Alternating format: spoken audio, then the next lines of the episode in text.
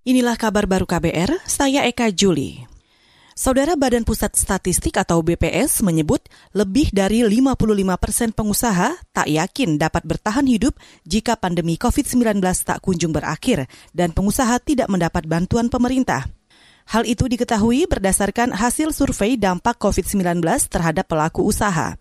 Survei dilakukan BPS sepanjang periode Juli 2020 dengan jumlah responden 34 ribu pelaku usaha dari berbagai sektor.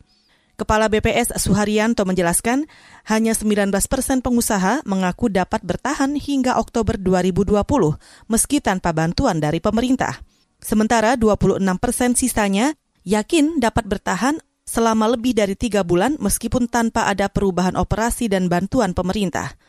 Beberapa sektor usaha yang paling tinggi terdampak antara lain sektor akomodasi dan makan minum, industri jasa, serta transportasi dan pergudangan. Saudara epidemiolog dari Universitas Indonesia Iwan Aryawan mendesak pemerintah melarang kerumunan orang di masa kampanye Pilkada 2020.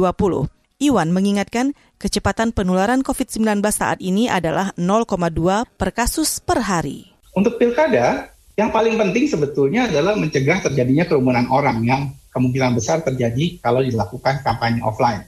Jadi ya ini uh, saya sih kalau menyarankan kegiatan kampanye yang ditiadakan yang offline. Karena jadi nggak ada pengumpulan orang. Nah kemudian kalau pilkada yang tetap dilakukan, diatur waktu pencoblosannya sehingga tidak terjadi banyak orang yang berkumpul. Nah, itu tadi epidemiolog Universitas Indonesia Iwan Aryawan. Sebelumnya, Komisi Pemilihan Umum atau KPU mengizinkan pelaksanaan kampanye terbuka pilkada di masa pandemi. Namun rencana ini menuai protes oleh sejumlah kalangan. Sebab COVID-19 di Indonesia diprediksi masih akan terus bertambah.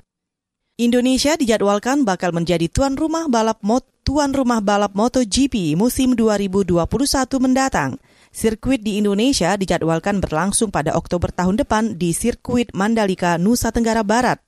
Kepala Dinas Pariwisata NTB Lalu Muhammad memastikan hingga kini belum ada perubahan jadwal gelaran MotoGP.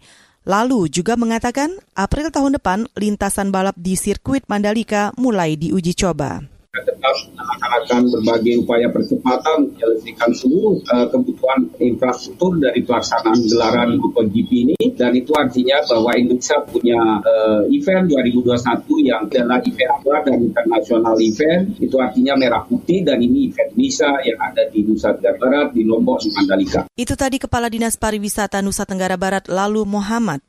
Pembangunan sirkuit Mandalika ditargetkan selesai pertengahan tahun depan.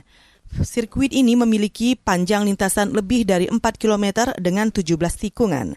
Dorna Sport selaku promotor ajang balap MotoGP sepakat dengan pengelola sirkuit Mandalika untuk menggelar seri balap MotoGP Indonesia selama lima tahun ke depan.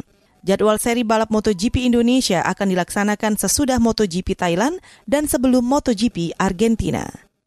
Saudara demikian kabar baru, saya Eka Juli.